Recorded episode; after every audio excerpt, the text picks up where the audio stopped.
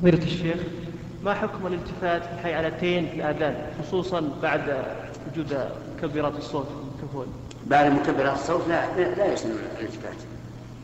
لأن المراد بالالتفات هو آه، أن يشمع أن يعلم أو أن يسمع من على اليمين وعلى الشمال.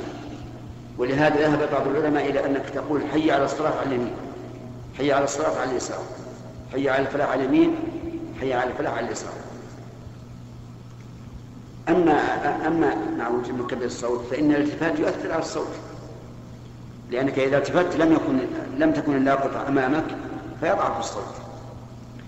لكن وضع وضع اليدين السبابة في الأذنين هذه سنة. حتى وإن كنت وإن كنت تؤذن في مكبر الصوت.